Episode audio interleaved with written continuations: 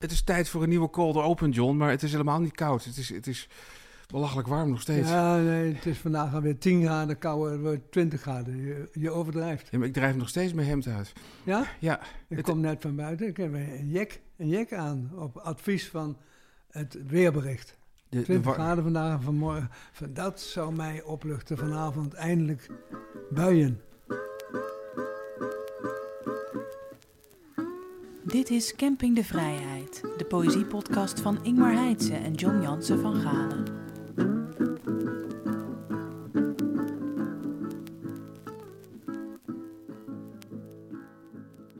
Goed, dit is alweer aflevering 19. Ja, zeker. 19. Eh, straks eh, schuift bij ons aan Joost Omen. Die hebben Ja. we van alles te vragen over allerlei dingen die hij onderneemt. Dat is echt niet te geloven. Eh, eigenlijk is dat een soort nieuwe dichter des Vaderlands in spe hè, over een paar jaar. Want Ja. hij is nog jong, maar hij doet zo ontzettend veel. Maar goed, gaan we het zo wel met hem over hebben.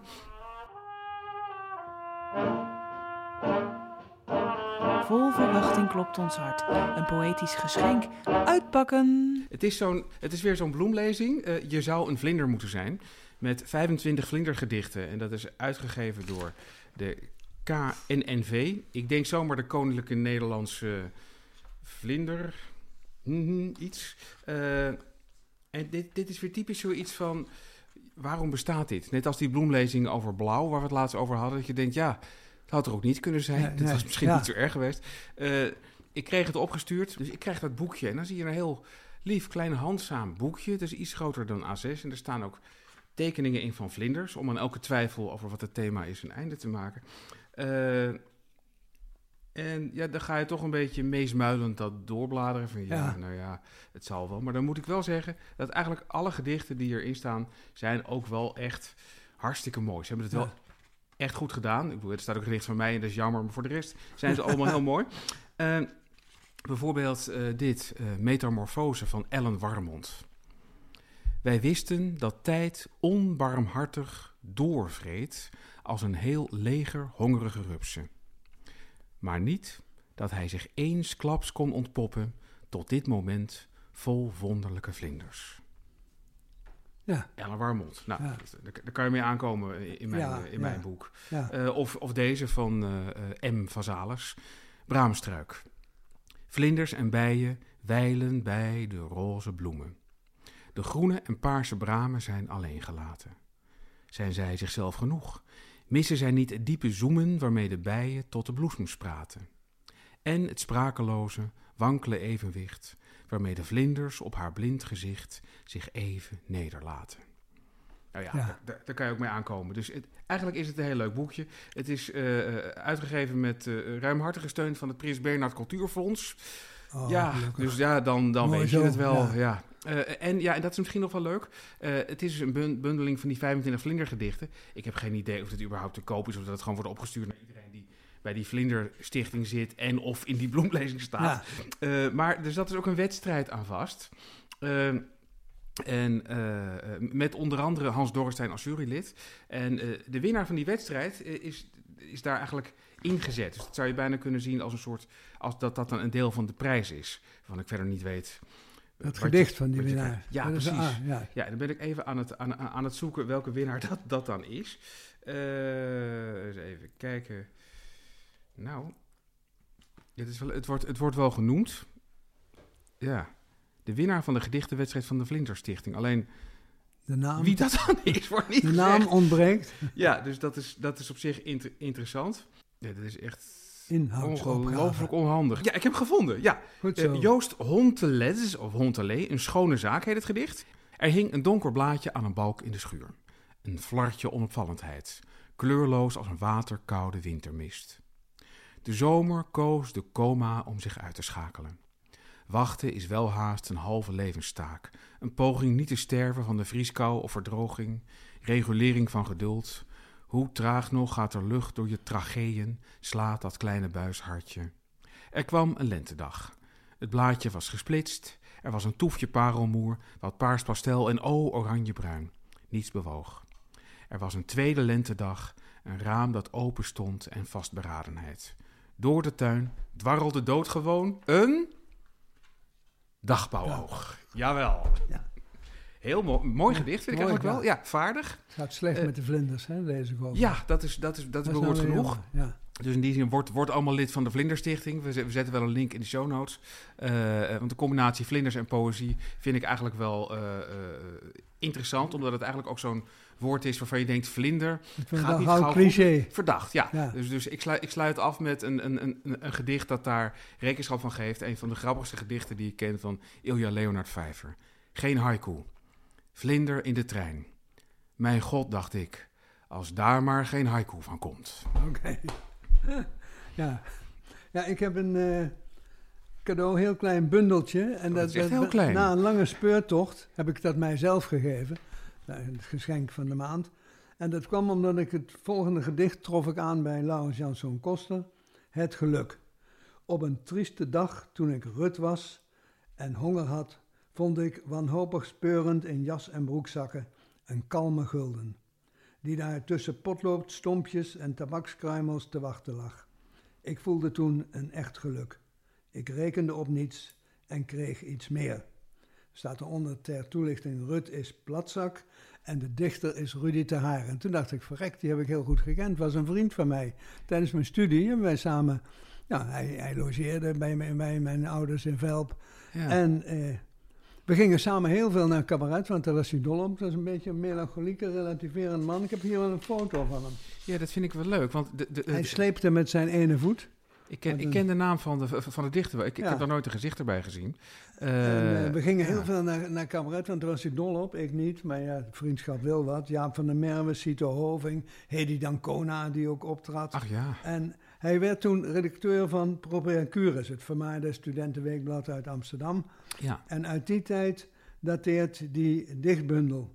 Die is samengesteld door Rogier Proper, dat heb ik gelezen. Maar eh, verder, verder kwam ik niet. Maar waarom is die samengesteld door Rogier Proper? Heeft Ruud, Die was ook redacteur van, eh, van... En er staat ook een gedicht in van Rogier Proper. Ah, oké. dus, oh, oh, dus het is een is met, van gedichten met gedichten uit. Oh, nou snap ik het. Ja, Ja. onder Ja. andere van Josien Meloen, wat het, wat het pseudoniem blijkt te zijn van Mensje van Keulen. Kijk eens. aan. Dus ik ben toen gaan speuren, Rogier opgebeld, Hans Vervoort, ook oud-PC-redacteur, Ja. Mensje van Keulen. Waar is dat bundeltje gebleven? Want ik, ik herinnerde me zo goed het gedicht Citroen, Citroen van Rudy ter Haar. En toen, Ja. Citroen, Citroen, zo heet die bundel. En Mensje kwam er toen op, er is een eh, antiquariaat en dat heet eh, de Terechte Kronkel, de Terechte Kronkel. En daar hebben ze het. Nou, ik aan de bel getrokken, maar het bleek uitverkocht. Vervolgens hadden ze er toch nog één en toen hebben ze mij die opgestuurd. En daarin staat ook het beroemdste gedicht van Rudy Tahaar. Waar, waarmee hij zowel de dikke komrij heeft gehaald als de bloemlezing van Hans Warre. En dat is de uitvinding van de romantiek. Juist. De zon gaat onder, ik voel mij bijzonder. Dat is het. De uitvinding van de romantiek. Soms is dat genoeg. Ja, dat is Ja. ook. En toen heb ik daar in dat, eh, in dat bundeltje, vond ik dus inderdaad eindelijk het gedicht dat ik bijna uit mijn hoofd dacht te kennen, maar het klopt niet. Het zi- zit anders in elkaar. Rudy ter Haar, de thuisreis. Toen de christelijke gemengde zangvereniging Loof de Heer uit Kampen de eerste prijs won op het landelijk concours, zongen ze op thuisreis in de bus. Citroen, citroen, Loof de Heer is kampioen. Nou, dat is een, eh, een raak gedicht, mag ja, ik wel zeggen. zeker. Ik zal even kijken ja. wat, er, wat er van Josien Meloen in staat. Mensje van Keulen als dichter. Ik vond het treffend dat zij niet had, want ik dacht typisch zo'n zo'n schrijver die bewaart alles wat hij zelf gepubliceerd heeft. Maar zij dus niet, dit bijvoorbeeld niet. Bijvoorbeeld EEG, de Fransoos die doet het op de doos en de Brit die doet het als hij zit. Maar hoe het ook zij, stront hoort erbij. Nou ja, Ja, Mensje van Keulen, Josien Meloen. daar Nu is nog geen woord even Frans over bij. Ja. Proper, want die hadden wij hier samengeschreven, heel kort gedicht, samengeschreven met Teun de Winter. Lustig lied, ready-made. Bent u geil, pak een bijl, één tik, wegpik. PS, nog één hak, wegzak. nou, ja. ehm, en nu heb ik dat bundeltje dus, citroen, citroen. Dat wil ik ook, dat wil ik ook zien.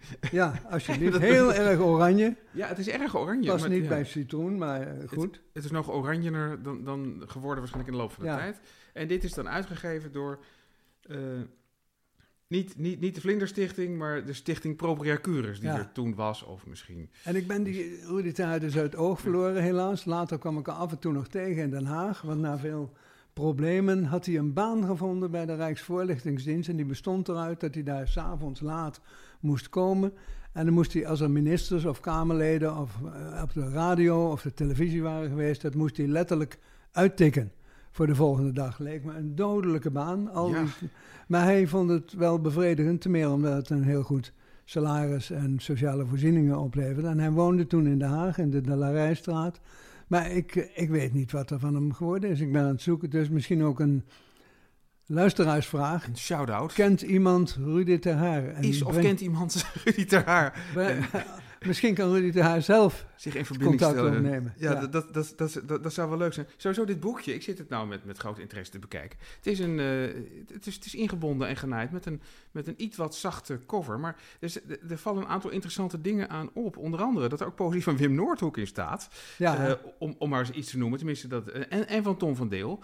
Dus het is een, een hele in- interessante co- combinatie. Henk Spaan, oké, dat verwacht ik. Is Gaan Meijer, Ja, Sonnet, wat een heel gedicht. mooi gedicht is. dat hele mooie Ja. Gedicht. Ja. Eh, vind ik. Een, een van mijn favoriete gedichten. Maar ook van Hans van Zon bijvoorbeeld. Maar wat dus ook wel leuk is, ik zie eh, reclame. En dat is interessant. Bezigen bij poëzie. En dan Ja. krijg je een lijstje van toen actuele poëzie. Armando, Hemel en Aarde. Arie van den Berg, mijn broertje kende nog geen kroos. H.C. ten Berge, poëzie van de Azteken. Jan Blokker junior. Jules Deelder. Habakuk Tweede Balker, dus Haar ter Balkt. Boerengedichten. Kosten allemaal 4,50 trouwens. Behalve Armando is wat duurder. En ten Berge is ook wat duurder. Maar bijvoorbeeld ook Loetje Bert gedichten 1948, 1963. Maar ook Frank Koenengracht, een gekke tweepersoonswesp Hey, voor 4,50 euro. En Alain Thijsser, de ziekte van Chopin. En Hans Verhagen. Kortom, heel veel dichters die ik, waar ik heel veel mee heb, eh, staan in dat, zaten in dat Fonds van de Bezige ja, bij. en En- ook. En, en dat je dan in zo'n bloemlezing dus, eh, zo'n bundeltje, eh, hier, poëzie bij de harmonie. Ook t- Tweede Bal- Balker, interessant. Die zat dus blijkbaar bij twee uitgevers. Ja. Judith Herzberg, Jacob der Meister, zanger. Eh, Daar hoor je ook nooit meer iets over. Jawel, hij heeft pas nog een Jacob Groot heet hij eigenlijk. Oh, natuurlijk, het Pas is nog Groot. gepubliceerd. Ja, ja, ja. Goddomme, ik, eh, ik, kennis. ik kennis sta gecorrigeerd. Ja, Eh Atheneum Boekhandel volstaat met een pagina waarop alleen gewoon het adres van Atheneum staat. Voor wie dat Heel nog goed, niet zou ja. he- hebben weten te vinden. Poëzie, Het Zout en Uw en Onze Pap. Moderne boekhandel Bas, Leidse Straat, Ja. Amsterdam. die is er al is- lang niet meer. Eigenlijk is dat alleen al ook heel leuk. Eh Querido heeft een advertentie, dus bezig bij Querido Ja. de Harmonie. Nou, wat een- hoorden we nu? Wat was eh, dit? Dit is mijn eh, immer ouder wordende espresso-machine... die Oh. misschien een keer vervangen zou moeten worden. dat- Maar ja, Ik god, dacht dat Joost? Omen op de stoep stond. Dit is echt heel erg leuk, vind ik dit. Ja, en de verantwoording ook nog door, door Rogier Proper. Ja, die hadden we de vorige keer te gast. Ja. Toen deed hij alsof hij niks met poëzie vroeger te maken had. Maar toen blijkt Ja, hij... Dit is een... Wat is het, 1971, 72, dus 50 jaar geleden... Heeft hij al deze bundel samengesteld en er zelf aan bijgedragen. Bijvoorbeeld, ik lees, ik lees de eerste alinea van de, van de verantwoording even. Wat is een gedicht? Vraagteken. Dat is iedere rangschikking van woorden die de betreffende auteur van die woorden een gedicht noemt. Meestal maakt hij dat duidelijk door de geschreven regels of zinnen op merkwaardige plaatsen af te breken of te onderbreken. Soms ook door verschillende woorden al of niet kreupel op elkaar te laten rijmen. Nou ja, hij heeft, hij heeft, hij heeft een poëtica, Ja. hier. Wat ontzettend leuk om dit te Ja. Wat goed dat je dat gevonden En de hebt. vraag blijft, waar bleef Rudy ter Haar? Als iemand het weet, in godsnaam laat, Ja. laat het ons weten, Of want Rudy nu zijn we geobsedeerd. Liefst Rudy ter Haar zelf. Ja, dat zou het leukste zijn. Oké. Ja. En nu? Het gedicht van de maand. Ja, het, het is voor mij heel, heel moeilijk kiezen, want ik dompelde mij onder. Eh, ik mocht mij onderdompelen, kan ik beter zeggen. Eh, in de 53e editie van Poetry International. Ja. Eh, en je kan vragen, Ingmar, hoe weet je zo snel dat het de 53e editie is? Dat is toch niet echt een kroonjaar? Dat komt omdat het festival zo oud is als ik. Of omgekeerd. Ik ben ook 53, dus ik wist dat dit de, 53 de eerste editie van Poetry was in mijn geboortejaar. En ik heb op Poetry een paar dagen rondgelopen en mensen gesproken van het eerste uur ook. Dat was Oh. erg leuk. Noem eens. Eh, nou, eens even, eens even denken. Nou, vooral, vooral eigenlijk eh, eh, bezoekers. Bezoekers, Ja. fans, Fa- groepjes. Fans van het Ja. festival van, vanaf het begin. En die Ah. vertelden eigenlijk wat, iets, iets wat ik helemaal vergeten was. Dat er dus inderdaad gewoon werd voorgelezen. Zonder Ja. vertaling. Ja, Dus vroeger- ja, dat weet ik wel. Ja. Ja, dus, dat, dat- ja, dat je dan in- Schrikte mij ook een beetje af. Ja, ja, dat is inderdaad dan een dichter uit Mongolië Ja. of zoiets een, een half uur staat voor te lezen. Dat er allemaal mensen naar zitten te luisteren. En dat En dan niemand luid- enig idee en dan heeft. een applaus uitbarsten. Ja, Eh, terwijl, ja. Flauw idee, maar... Die, die klanken kunnen overal overgaan. Het kan natuurlijk best zijn dat die man gewoon een soort paard in de gang heeft voorgelezen al die tijd. Nou, inmiddels is poetry is wel veranderd. En dat is eigenlijk waar ik heen wou. Eh, en je, je, kan wel zeggen, uh, uh, ja, dienstbrood men eet, dienstwoord men spreekt. Maar dat valt wel mee. Ik was jaren niet de poetry geweest. Omdat ik ook altijd een beetje afgeschrokken was door het inderdaad iets wat interne karakter ervan. Nou. Zoals door mij gepercipieerd. En dat is dus zeer onjuist. Als iemand daar Oh. wegblijft, het, er waait een totaal andere wind daar. Eh, Oh. het, is, het is een totaal verjongde club, terwijl ook nog een aantal mensen van de, van de, van de oude garde daar rondlopen. En het is nu is het een verzamelplaats van dichters en subculturen van allerlei pluimage. Waar was het? Lantaarnvenster? Het was, het was Lantaarnvenster en, en Belvedere. Dus je moest die, Oh ja. moest die slotjesbrug over. Ja, Ik moet wel zeggen, het was een hittegolf, dus je, je moest dan wel, eh, het vi- viel niet mee. je moest je wel waden door de dagen en door de hitte. Maar in, in was, was het heel fijn. Er was ook een, een tamelijk grote eh, plek ingeruimd voor dichters die, die in, eh, in, in gebarentaal spreken. oh ja. En dat was Ah. eigenlijk, eigenlijk, voor mij het, eh, het, eh, het hoogtepunt. Eh, Justin, ik meen dat het Perez is, maar ik hoop dat ik het goed zeg. Een, een jongen uit, uit Amerika, die schijnt wereldvermaard te zijn. die, die, die gelukkig een tolk bij zich had, zodat we ook een beetje met hem konden praten. Maar eigenlijk was hij zo goed in die gebarentaal dat eigenlijk ook mensen die dat niet spreken zoals ik, een heel eind kwamen. Ja. En het mooiste moment tijdens, tijdens de opening was ook dat hij... we stonden allemaal backstage tussen allemaal flight cases en, en, en, en rollerplakband en andere troep die daar dan ligt en oude lampen. Te wachten tot we in Rotte van vier opkwamen en één gedicht deden en dan weer afgingen. Dat, ja, dat waren dus een stuk of twintig dichters. En eh, op een gegeven moment, op twee derde, wordt het dus helemaal stil in die zaal. We horen niemand praten. En, eh, en ja, we horen ook niemand lachen of klappen. Dus, het is net van. Dus iemand naast me vraagt: is het afgelopen of zo? En we kijken om de hoek en we zien dus in de spot alleen de handen van die Justin Ja, ja, dat gedicht maken. Terwijl iedereen ademloos eh, kijkt. Ik heb geen gedicht bij me van hem, want zijn Nee, teksten bestaan niet. niet. op papier. Eh, Nee. Ze bestaan in, in zijn handen. Dat is fantastisch. Eh, ik zet in de show notes wel wat links naar filmpjes, want dan weet je niet wat je, wat je ziet. Oh ja. Onder de vele dichters die er waren en die, en die prachtige dingen eh, deden, bevonden zich eh Dane Siuju. En dat spreek ik ongetwijfeld verkeerd uit, want ik kan geen Grieks. Zij is een Griekse dichteres en zij is vertaald door Eveline Mineur, in dit geval. En eh, laat ik er e- eentje doen als mijn gedicht van de maand. Dus zij heeft iets met Tjitske Jansen te maken, vind ik. Zon- zonder dat Mhm, eh, ja. ja, een van tweeën dat kan weten. Maar dat, maar dat, maar dat is gewoon toevallig zo. Eh, en ik kan eigenlijk nauwelijks kiezen. Toch ga ik dat doen. Noeran. Een meisje glijdt soepel met haar skateboard van de ene kant van de halfpipe naar de andere. Ze lijkt in licht te wentelen en ze lacht. Ze noemen haar prinses. Haar naam is Noeran. Ze kent de beste skateboard tricks. Ze buigt haar knieën, raakt zachtjes het cement aan met haar vingers en iedereen kijkt naar haar.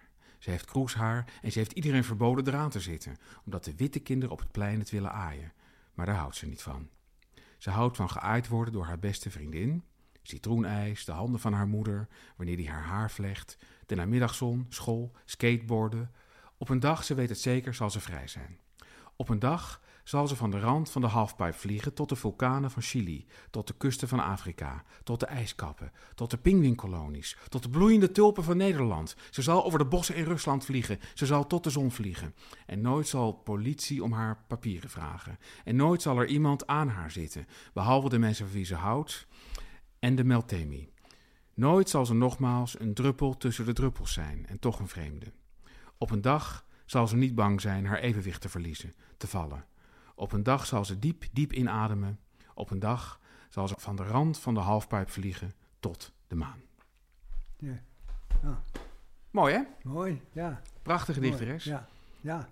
En ze las het veel mooier voor in het Grieks dan ik het ooit in het Nederlands zou kunnen. Het is de moeite waard. ja. Ja, sowieso was ontzettend wel de moeite waard op Poetry. Wat, wat me ook opviel als oude cisgender man van middelbare leeftijd. eh, er was een enorme hoeveelheid eh, jonge dichters en dichteressen, maar vooral heel erg veel daartussenin. ja Mensen ja. in alle staten van, van, van, van transitie Ja, of queerness. En dat gaf een ongelofelijke kleur aan, En aan alle het staten festival. van kleur ook, neem ik aan. Ja, zeker. En. Het, was een, het was eigenlijk een soort anti-Twitter. Zeg maar. ik vond, het, ik vond het heerlijk om erin rond te lopen. Ik heb ongelooflijk van genoten. Het was, Ja. was echt een, eh, eh, het was een ontzettend bijzondere, positieve ervaring. Het zette eigenlijk alle ramen in je hoofd open. Dus Ja. ik wil eigenlijk iedereen eh, Oproepen. oproepen.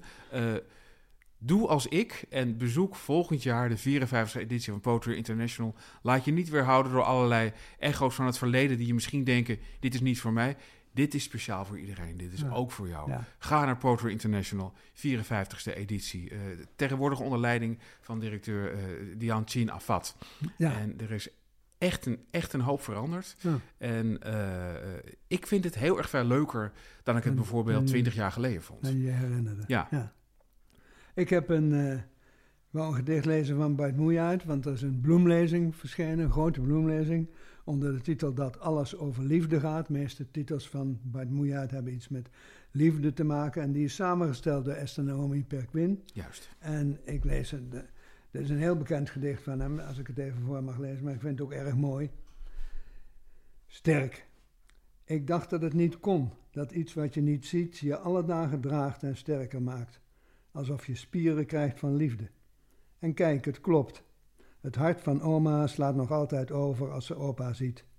Maar nu hij oud is en te bed, misschien nog net de hemel haalt, loopt oma sinds een poosje krommer en vraagt ze vaker om mijn arm. Zonder hem krijgt ze het huis niet warm. En zelfs de hond zakt zuchtend naast de luie stoel. Dus is het waar dat liefde spieren geeft en op den duur ook vuur. Ja. Ik- Dat is een klassieker, Ik, ik Ja. dacht het meest van hem gelezen te hebben in, eh, in het oog. Dus een keer uitgerekend, want het zijn toch 25 jaar, 5 maal 50, ruim 1200 gedichten. Maar dat was Hanni Michaelis.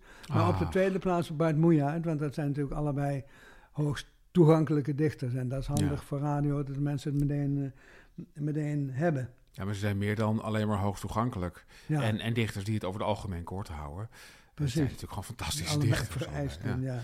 Ja. Ja. Ja, ik heb hem altijd voor een jonge man gehouden. maar Hij is inmiddels bijna 60, deze Bart Moejaert. Ja. Hij heeft een, als je op de site kijkt, een waanzinnige lijst aan publicaties. Veel voor Ja. jeugd, toneel, proza, poëzie, eh, theater. En, eh, en, en wat mij bij zijn biografieën opviel, is hij heet Bart Boudewijn Moejaert. Want hij is de zevende van zeven zonen in hun gezin. En in België was het traditie dat ze dan die zevende de, naar de koning noemden. En Ah. daarom heet hij Bart Boudewijn Moejaert. Juist. Ja, wist ik niet. Eh, Doet er ook verder niet toe, maar is misschien wel. Nou, dat is toch wel... Dat, dat nemen we toch even mee. Maar Ja. dan hadden we het over dat, eh, over, over dat het eh, toegankelijk en eenvoudig is of lijkt. En daarover schrijft in het voorwoord Esther Naomi Perquin iets moois. Wat men eenvoudig noemt, noemt men onbedoeld vaak ook verdacht. Er moet toch haast iets mis zijn met een creatie die zo weinig lijkt te vergen. Die zo vanzelfsprekend en ogenschijnlijk moeiteloos tot stand is gekomen. Waarover niet maanden vergaderd of gedebatteerd is. Het wekt onze achterdocht. Misschien is ons bestaan zo complex geworden, vormen onze persoonlijkheden, omstandigheden en problemen zo'n ingewikkelde kluwen, dat we ons bijna niet meer kunnen voorstellen dat een handgebaar, een woord of een haast achterloos gemompelde zin nog wezenlijke verandering kan brengen. En ze beschrijft hoe ze daarop komt bij het, optreden van Bart Moejaert, zag ze een keer hoe hij ter hoogte van zijn schouder zijn hoofd zijn hand op een denkbaar, eh, denkbeeldig hoofd legde, namelijk dat van zijn moeder. En dat zij toen ook echt die moeder zag staan. En eigenlijk toen Bart Moejaert al was gaan zitten, die moeder daar nog steeds zag. En dat is eh, ja, de kracht van het eenvoudige, maar trefzekere gebaar. Ehm, zal ik er nog eentje doen? Nou, heel graag. Eén, eentje. Dan lepeltje. Lepeltje staat hier. Ja. Sinds ik met je wakker word, als in een la die leeg is om ons tweeën na, is wat er morgen komt ondergeschikt aan wat vandaag al is begonnen. We gaan met een bepaalde logica eerst af hoe wij vandaag weer samenhangen. Dit is jouw been. Dit is mijn rug. Mag ik hem nu van jou terug? En wat ik verder zou verlangen is dat we opstaan en ons leven vanaf hier hervatten. Met jou dan naast mijn hart onder mijn arm. Ik hou je tot vanavond warm, totdat je slaapt en daarna wakker wordt als in een la, leeg op ons tweeën na. Lepeltje. Bart Moejaert. Ken jij hem? Ja, ja, Vanwege het optreden natuurlijk. Eh, Nou, ik ken, ik ken zijn werk wel aardig. Ja, en, ja, ik ken, eh, ik, heb, ik heb hem ook wel eens ontmoet. Oh ja. Ont, ontzettend aardige man. Ja, oké. Eh, ik, ik ken hem verder niet goed. Nee. Maar ik, ben, ik, ik ben wel een groot bewonderaar eigenlijk. Ik vind, Ja. Het, ja, het- ik, vind, ik, ik vind het een prachtige dichter. En de rest, want hij, hij doet nog veel meer natuurlijk. Ja. Ja, zeker. Het is ook echt, echt wel een... Er zit ook wel een ontwikkeling in. Er zijn in de gedichten die in, de- in deze bloemlezing staan, dat alles over liefde gaat, zijn er ook wel veel die je wel toch wel twee keer moet lezen voor je ze doorgrond. Niet- ik heb nou twee heel simpele voorbeelden uitgekozen, maar dat is niet Ja. zijn hele, staat niet voor zijn hele oeuvre. Nee, hij is, ja, het is natuurlijk logisch. Kijk, waar, waar je het bekend mee wordt, ja, dan denken mensen ook al snel van, zo zal de rest ook al zijn. Ja, En dat is natuurlijk eh, zelden waar. ja. Eh, maar, het is, maar het is allemaal de moeite waard. Ik heb, ik, heb, ik heb nooit een beroerd gedicht van die man gelezen. Nee. Dat, dat kan hij volgens mij niet. Nee. Slechte gedichten schrijven. ja, geweldig. ja. Nog nieuws van de maand als laatste Nieuws van de maand. vaste rubriek. Het laatste nieuws. Want, want, van, want deze maand is verschenen, nog maar kort geleden, de, een dikke bundel Vandaag Vrij, Altijd Vrij. En dat zijn gedichten van Anton de Kom uit de Tweede Wereldoorlog. Dus niet in Suriname geschreven, maar in Nederland en in Duitse gevangenschap. Ik lees even het gedicht dat ook heet Suriname, want voor de oningewijden daar kwam hij vandaan. Suriname. Branding van de zee, kleine golfjes breken mee. Zand laat u ontglippen met schuim op uw lippen. Het bos zal gaan ontgloeien, zwaarder gaat geloeien. Het land beukt terug en kromde de rug. Het schelp bewassen strand, speelmakker van het land, weerstaat uw slagen, uw luim en uw plagen. Nou, het is een wonderlijke geschiedenis, want toen ik voor het eerst in Suriname kwam, meer dan 50 jaar geleden, kende niemand Anton de Kom. Daar niet en in Nederland ook niet. In Nederland Nee. was alleen een roofdrukje van zijn boek Wij Slaven van Suriname. Dat hadden studenten gemaakt. Maar nou valt wel erg op dat het wel een groot verschil, dat eh, vind ik, tussen dat eh, Wij Slaven van Suriname, dat leest mislepend, dat is in een retorische stijl, als Ja. één lange woede-uitbarsting eh, opgeschreven. En dan vind ik toch een beetje, dan als je dat weet en dat gelezen hebt, en dat, dan vallen die gedichten eerlijk gezegd een beetje tegen. Al- Als ze allemaal zo zijn, als je net voorlas, denk ik, nou, eh, ja, dat valt niet mee Nee, natuurlijk. Maar ja, Ik ik, doe- ik, ik wil niet lullig doen. ik zal er nog één doen voor de test. ja, De zwarte vrouw. Gij zijt schoon, ik wil u bezingen. De moeite waard om te beminnen, glinstering van uw arm en oorringen. Juwelen zwarte ogen om een zwarte te winnen. De lendendoek om uw kastanjekleurig lijf. Wappert golvend om uw donkere, soepele lendenen. Hef op uw gezicht naar de zon. Geen zon hier in de kille landen. Is de zon voor andere wolken. Ja, dat is een beetje nou, hetzelfde. vind ik al, al wel, ja, heb ik al iets, denk ik, oké, goed. Het wordt reuze, eh, in het bij, bijbehorende artikel wordt het reuze toegejuicht door Bab Schons, de aanstaande. Nou ja, eh, aanstaande. Dat is geen geringe aanbeveling natuurlijk. Nee, dat is Ja, geen geringe aanbeveling. een- Maar waar ik wel eens bang voor ben, is dat Anton de Kom nu zo gecanoniseerd is, dat het ook niet zou deugen om er iets van eh, relativerends over op te merken. Ja, hij is, hij is, hij is, Hij is te- door, verheven boven alle kritiek. precies, hij, hij is door de vuurhoepel heen gesprongen en staat nu, staat nu boven elke, elke verdenking. Ja. Ja, dat is, dat is moeilijk. Ja, dat, dat- Deze gedichten schrijft ze gooien je overhoop, want ze doen pijn. Ze pakken je bij je nekvel, ze prikken schuren, ze breken je open. Geen beeldspraak om de wreedheid te verbloemen, geen stijlmiddel om de pijn te sussen. Bab Schons. Die krijgen we trouwens te gast, Ja, hè? Inderdaad, nou, dan kunnen, kunnen we, eh, Kunnen we eens- kunnen we die nog eens kritisch bevragen over haar het- adoratie voor Ik zal het bewaren. Ja. Ja, maar wacht, wacht even. Dit, dit, dit is te kort door de bocht natuurlijk. Hè? Want je, je kan wel een paar gedichtjes voorlezen. Het is, is natuurlijk wel, wel een reden waarom, waarom, die, eh, waarom Ja. die status nu zo hoog is. Eh, ik zat laatst te luisteren naar een... eh, ja, Jeffrey Spalburg. Oh ja. Dat, En die, die was sterk beïnvloed door, dat door dat boek. Die, Ja. die, die zei van, nou, eigenlijk... Ja, dat... dat Maar ik heb dat boek zojuist zelf opgehemeld. Dat boek. Precies. En Ja. dat- maar er is een soort kloof tussen het boek en de poëzie. Ja, ja maar blijkbaar, blijkbaar werkt het zo dat als je zo'n belangrijk bo- boek schrijft, dat eigenlijk alles wat je dan nog meer doet, krijgt op een gegeven moment ook een glans op een bepaalde golf van tijdgeest. En Dat, zeg je is- deftig en ja, dat is precies het gevaar wat ik beschreef. Ja, ik denk, ik denk Maar je jij- gelijk hebt. Jij zegt het milder. ja, ja, of mooier. Nou, mooi. Ik, misschien milder, omdat ik ook wel vind dat daar iets, eh, iets voor te zeggen valt. Kijk, het kan hele, hele komische uitwassen hebben. Ik moet denken aan die, aan die tekening van Peter van Straten. Dat, dat, dat, dat er twee mannen staan te, staan te praten in een, in een boekhandel of een uitgeverij. En dat, dat, dat, er staat een onder van... Goed, ja, er loopt een, eh, iets, iets wat verwijfd iemand lo- loopt er langs. En dan zegt die ene man tegen die andere van... Ja, eh, goed, mogen zijn gedichten waardeloos zijn? Het is toevallig wel een heel belangrijke homoseksueel. Ja, ja. Het is Nou ja, goed. vreselijk. ja, zo. Maar ja, je snapt wel, het, het is wel dat, dat gevoel inderdaad. ja, inderdaad, dat gevoel. Nee, dat is heel goed beschreven.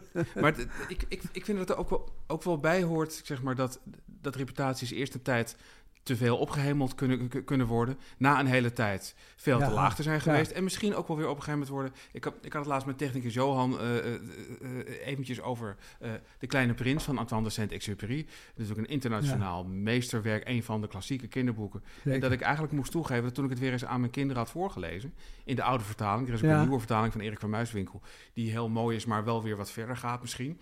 Eh, dat eigenlijk dat ik het best een warrig boek vond. En Oh. dat, ik, dat er een paar. En wat vonden de kinderen ervan? eh, die hadden ook een beetje moeite mee. Die vonden Oh, ja. het lastig. Eh, ik bedoel, het, het, het, is dat ik ze echt dwong om te luisteren. Van jullie gaan luisteren, dit is heel mooi. Dat is heel belangrijk. het ging- Luistert. Ja, heel belangrijk en mooi. En het is echt geweldig. En het ging tamelijk ver over hun hoofd heen. Behalve de, de allermooiste stukken. Het- begin is heel erg mooi. En het Ja. vertelt over gro- grote mensen. En het vosje, wat, wat Oh, echt ja. heel erg belangrijk is. En voor de rest is er eigenlijk een hoop waarvan je denkt... ja, dat is een beetje belerend, een beetje ouder. Wij lazen het pas op de middelbare school. Dat is ook een beetje Ja. vreemd eigenlijk, maar misschien wel terecht. Nu, eh, Het is vrij filosofisch, dus daar zit wel iets een in. begrip vereist. Ja, want het is eigenlijk natuurlijk, het, eigenlijk is het ook helemaal, helemaal geen kinderboek, maar een, een- Nee. een soort filosofisch traktaat. Maar eigenlijk besefte ik van, dit is archaïscher en warriger dan ik het me herinner. Ja, ja. Eh, maar ja, goed. Du- du- du- Dus het- het- misschien is Antoine de Saint-Exupéry ook wel heel lang... Is, is dat boek totaal door allemaal happiness-achtige Ja, figuren... Charles Morali-achtige types die er totaal mee weglopen. Eh, terwijl je ook kan denken van... Ja, maar lees nou eens wat er staat. En denk, er worden zulke mooie kinderboeken nu gemaakt. ja. Ik, ik durf te zeggen dat, dat, dat, dat er nu echt wel betere boeken geschreven worden dan dat. ja. Eh, maar ja, dan durf ik het ook niet echt te zeggen... omdat, omdat ik Nee. bang ben dat ik een Nee, hoofd van woedende kleine ja. prinsfans achter me, achter Ja. me aankrijg. En, en Ja, bij ons op het gymnasium werd er ook met een soort verering naar Ja. gekeken, naar dat boek. elke ging- verering is ging lastig. de hè? docent natuurlijk in voor. Ja. De- vooral de dames in mijn klas, die vonden het ook allemaal hoogst eh, belangrijk en interessant. En Ja. ja, spannend. M- Misschien blijft uiteindelijk niks overeind als je lang genoeg kijkt. Alleen Salinger. Ja, en Nessio. Ja, en Nesquio. Ja, die twee. Goed, Goed Nee, dan hebben we het ook weer ik. Goed, afgehandeld. we hebben het totaal weer over poëzie. Het- Ja, oh ja, ik, ik heb dus toch wel... Ja, ik, wil, eh, eh, ik dacht van, het nieuws van de maand gooi maar in mijn pet. Totdat ik van een, eh, van van een, een, een, een inside eh, informant bij een uitgeverij... Ik zal de informant niet noemen, de uitgeverij ook niet. Kreeg ik, ik heb hem al, de, druk, de drukproef... De drukproef.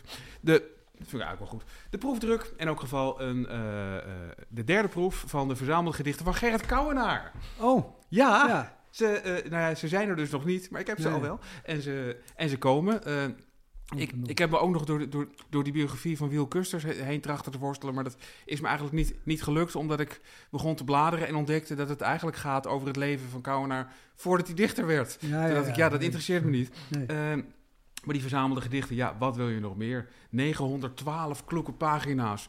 Ramvol met al zijn werk. En eh, eh, ik heb een persoonlijke hang-up en die wil ik eigenlijk met jullie delen nu. Eh, dat, dat een dichter, het is super flauw, dat een dichter soms door een titel of een thematiek of een woordkeuze heel erg ver vooruit lijkt te kunnen wijzen naar de toekomst, terwijl dat gewoon puur toeval is. Ja, Bijvoorbeeld, er is een gedicht van Gerrit Achterberg, dat heet Emai.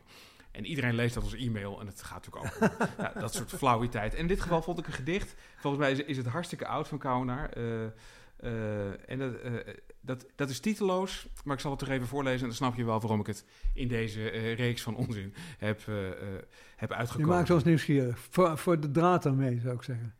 Anderhalve meter. Zo diep meet het inzicht. Steen voor steen, eter na eter. Warnet van haarwortels, zuurdesem, speeksel. Steeds schoner drupt het vlees in de beker. De hemel loopt leeg, het oog van de meester. Zon is al niet meer te spreken. Steeds meer verzwijgen van minder. Gedurig voedzamer druppen. Grond op de lippen. Mooi hè? Ja, Anderhalve meter. Zo diep meet het inzicht. Steen. ja. Ik, denk, dat- ik denk dat er iemand begraven wordt, onder vele andere dingen. ja, Maar dan denk je, wat, wat, wat, wat is dat een magier metaal, hè? ja. Kouwenaar. Sodemieters. ja, begaven. Het lijkt ook wel... Of het, even dacht ik dat het over de klimaatcrisis ging. Ja, kan, kan ook. Het- zeg maar, het, het, is, het is een soort... Het heeft iets heel heel visionairs. Het, het is Ja. poëzie die zo open is dat je er van alles in kan leggen. Ja. En eigenlijk is dat iets wat ik in de loop van mijn leven steeds meer ben gaan waarderen. Ook al doe ik het zelf niet. En ook al lees ik zelden eh, veel poëzie in deze hoek. Eh, poëzie die inderdaad als een soort omgeving wordt neergezet. Waarin je zelf kan gaan rondlopen en waar je zelf dingen uit kan halen. Het, het is echt een een goed voorbeeld wat je hiervan vindt. Van de lezer maakt het gedicht. En naarmate ik langer bezig ben, begin ik te beseffen dat het ook echt zo is. De dichter maakt gewoon iets, maakt een soort zandbak en je gaat daar zelf, je gaat daar zelf, zelf stofferen op grond van wat je te zien krijgt, wat je, wat je mee associeert. Ik vond het een prachtig gedicht. Anderhalve meter. En eh, nou ja, dat, dat, dat is wat mij betreft wel het nieuws van de maand. Ik heb geen idee wanneer dat ding verschijnt eigenlijk. Want je biografie moet je dus pas op twee derde gaan lezen als die dichter is geworden. Ja, ik zou. Nee, want dan, de, de, de, de biografie stopt zeg maar als, als Oh, dat ja, het. dat is echt, echt gewoon Toen was die, is een- toen was ja. die, eh, was die moe geworden. Ja, ik, ik weet niet wat het is. En het, het- ik, ja, kan, ik- kan ik het snel vinden? Want Ik, zou, ik, ik dacht even, nou, een bio van Kouwenaar, dat wil ik wel. Maar het lukte mij helemaal niet. Morgen wordt het voor iedereen maandag. En op zich, eh, ja, de oorlog van Gerrit Kouwenaar. Het gaat er dus om. Dus het Ah, eindigt ook ja. aan het einde van die oorlog. Dus het is niet, niet de schuld van Wim Kusters. Eh, maar, het, maar, het, maar het is een beetje zeg maar alsof je eh, eh, iets, iets, iets leest over de, over de jeugd van John Lennon, zeg maar. En dan stopt het op het moment dat Paul McCartney komt. Ja, nee, dat komt later. Ja, ja, ja. Dus ja. Nee. Ja. Dus ik ben dol op biografie in het algemeen. ja. Maar dichtersbiografie is een apart en moeilijk genre. Want Ja. hoe verhoudt zich dat leven tot die gedichten? Moet je zo in detail ingaan over hoe elk dich- gedicht tot stand gekomen is en wat tien verschillende recensenten ervan hebben gezegd. Ik heb het nou over Wim Hazeu. Ja. Eh, ja, dat eh, slaat ook dood. ja. Mirjam van Hengel, hè? Dat hadden wij Ja. tot... tot Weer van Hengel, ja, prima, de- prachtig. Twee keer. Die biografen uit. Eerst van Leo Ja. eh, Vrooman en toen van Kampert. precies. Of Leo en Tineke Vrooman, Ja. gaat over hun allebei. Prachtige boeken en relaxed geschreven en een goede Ja. mix tussen het persoonlijk leven en de, en de literatuur. En, en, en- en weer zeg ik, laten we haar ook eens gaan vragen hoe ze hem dat eigenlijk flikt. Ja, Zeg maar. Wat, wat, Ja. wat kan zij nou, of wat, wat heeft zij voor ons, dat sommige andere biografen kennelijk niet zonder meer voor ons hebben. Voor ons leken in de, in de dichtkunst. nou ja, ze hadden een voorsprong omdat alle beide hoofdpersonen nog leefden toen ze dat ging schrijven. Ja, dat is ook waar natuurlijk. Dat scheelt wel. Het is, kan ook een hinderpaal zijn, want eh, mensen gaan... ik weet nog levendig de biografie van Louis van Gasteren. Die kwam maar niet tot stand omdat hij zich met elke regel wou bemoeien... en een Ja, ideaal beeld van zichzelf wou scheppen. ja, dan zit je daar weer mee. Ja, Dat, dat is ook lastig. Dus ze moeten, zeg maar, eh, niet meer in de kracht van hun leven zijn, maar ook niet al dood. Het moet ergens, Nee. bijna dood is het beste. Klein gebrek, bezwaar. Dat ze het, zeg maar, dat ze oud genoeg zijn om het graf te zien lonken en te denken, het is toch wel leuk als iemand daar een biografie over schrijft, maar, maar niet zo vief nog dat ze zich er tegenaan bemoeien. Het luistert nou. Ja Het is- het is het- nou. Het, is, het lijkt een beetje zeg maar, op, zo'n, op, een, eh, eh, op, een, op, een, op een mango. Zeg maar. Die moet je ook nemen. Of te hard, te hard. Oh shit, snot. Zoiets is het. Ja. Je, je moet er wel gewoon. Ja, het is, het, dus waarschijnlijk is het timing in haar geval. Ja. Inmiddels komt binnen eh, dat zowel Kauwers verzamelde gedichten als de Kauwers biografie van Arjen Fortuyn verschijnt op 3 augustus. Oh, Dit komt net binnen over de mail. De gast van de maand. John en Ingmar praten met een coryfee uit het land van de poëzie. hier binnengekomen eh, Joost Omen, welkom. Dankjewel. Welkom. wat, zijn je, wat zijn je eerste komende plannen? Poëtisch gebied. Oh, Wat ga je doen? Eh, nou, vrijdag moet ik weer optreden.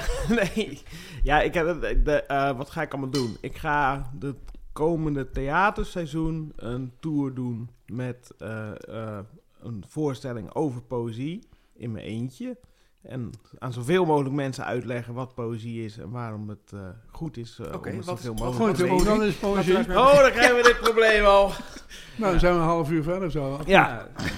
Nou, ja, god, dat, dat is dus het probleem met deze hele voorstelling. Het is ook dus nog niet af. Maar volgens mij heeft poëzie iets te maken met het feit dat je twee dingen naast elkaar kunt zetten die eigenlijk niks met elkaar te maken lijken te hebben.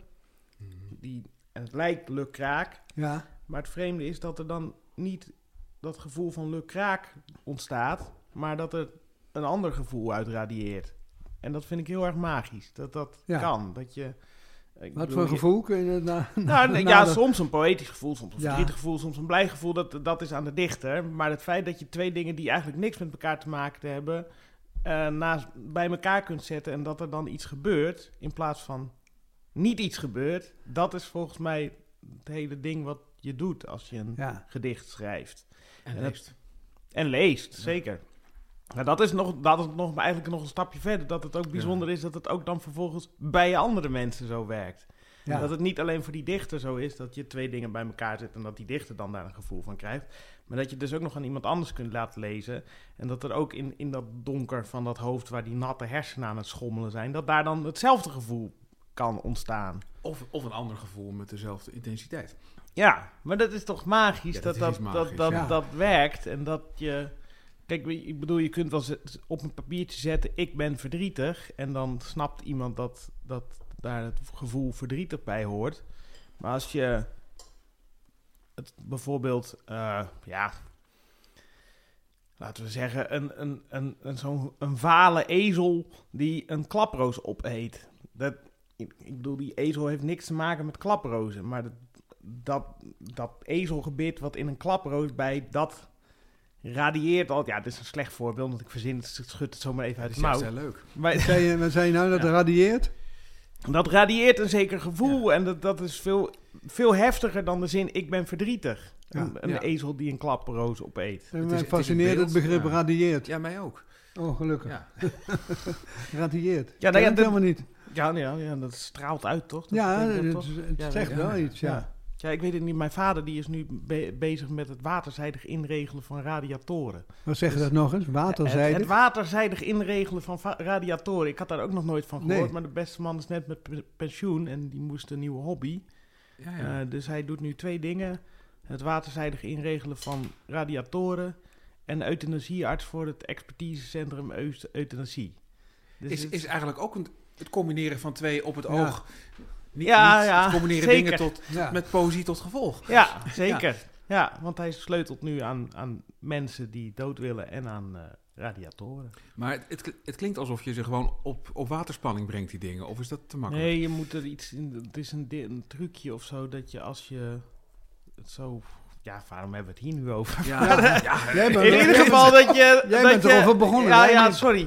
Maar in ieder geval, volgens mij is het zo dat je er genoeg water in giet of zo. Precies genoeg dat hij heel weinig warmte verliest. In, terwijl de, en dat is handig. Dus het dan- optimaliseren van het ja, systeem. en hij woont ja. in een vrij klein dorp of zo, waar ze nu dan al die radiatoren aan elkaar aan het linken zijn. Ik snapte er Nee. helemaal niks van, maar zoiets dat dat. dat En met dat die euthanasie betekent dat die scan uitzist. Nee, dat was hij eerst, maar nu Oh. is hij ook echt daadwerkelijk uitvoerend arts. Uitvoerend uit. Dus, eh, scan komt alleen maar kijken of de het scan in komt orde of is. de euthanasiearts mag het goed heeft ja. gedaan, zijn rapport en dan Precies, haar ja, rapport. En ja. dan, maar dat doet hij ook, maar, dat, maar hij doet nu ook het daadwerkelijke spuitje. Ja.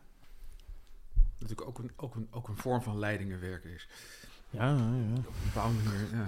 zeker. Ja. En dat deed hij eigenlijk meer daarvoor, want toen was hij cardioloog, maar dat is hij nu dus niet meer.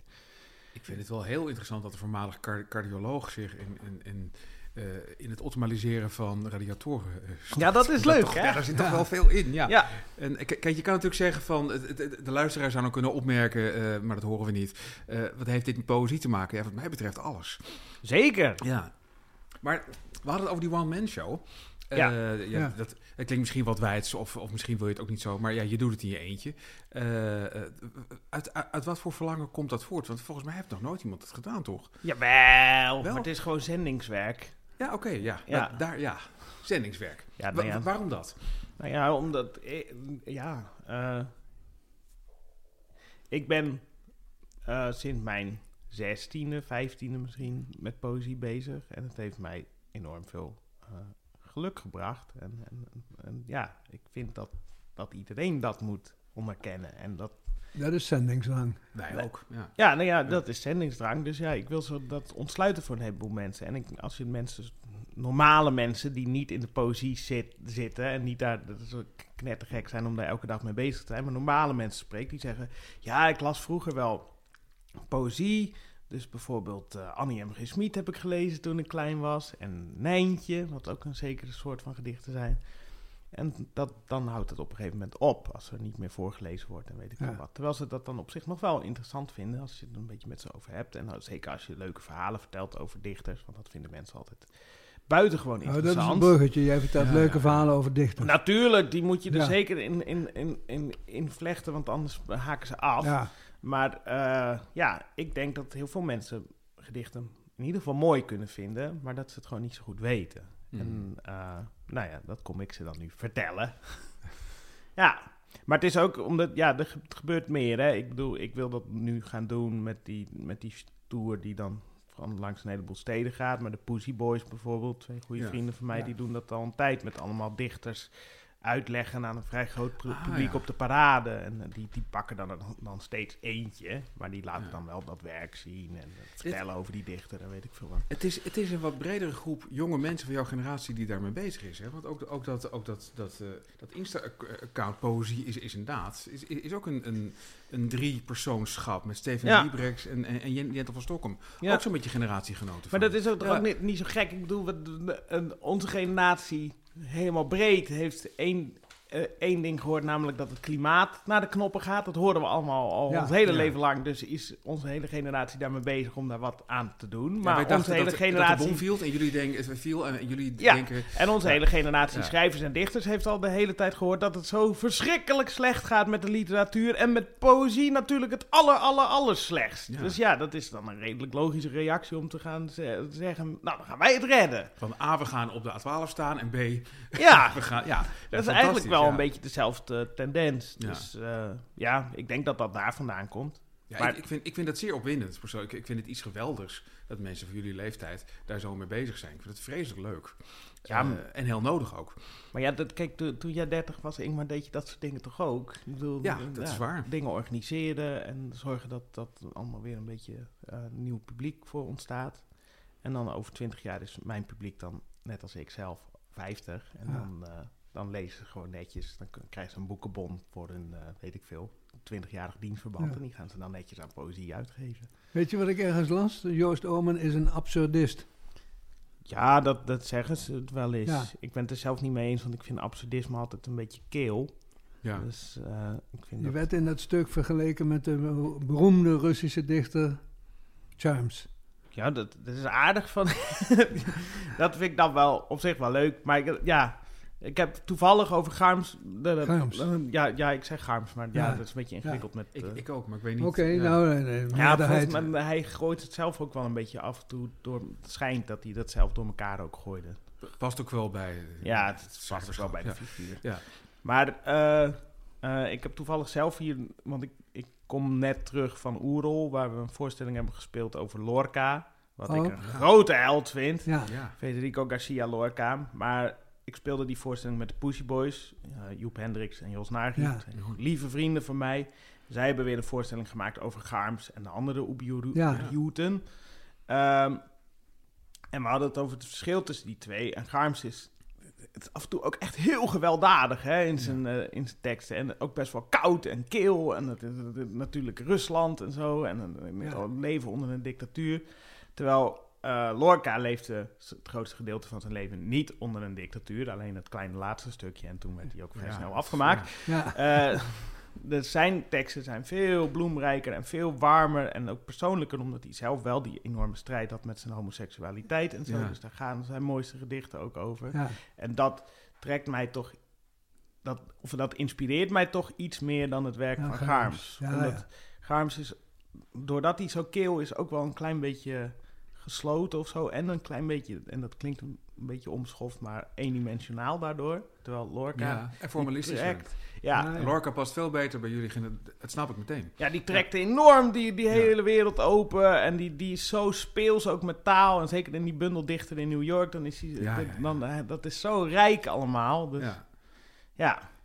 Garms is gewoon soms een beetje een boterham met kaas. En Lorca is een aardbeienslof. Nou, kijk, heerlijk. Die Oh, aardbeienslof wat hebben we net ja. verorberd. Hè? Inderdaad. Ja. Dus eh, ja. Ik, Ja, ik ben het er wel mee eens. Nou, Het top! Ja. En eh, als ik er niet mee eens was, dan was ik er vanaf nu mee eens.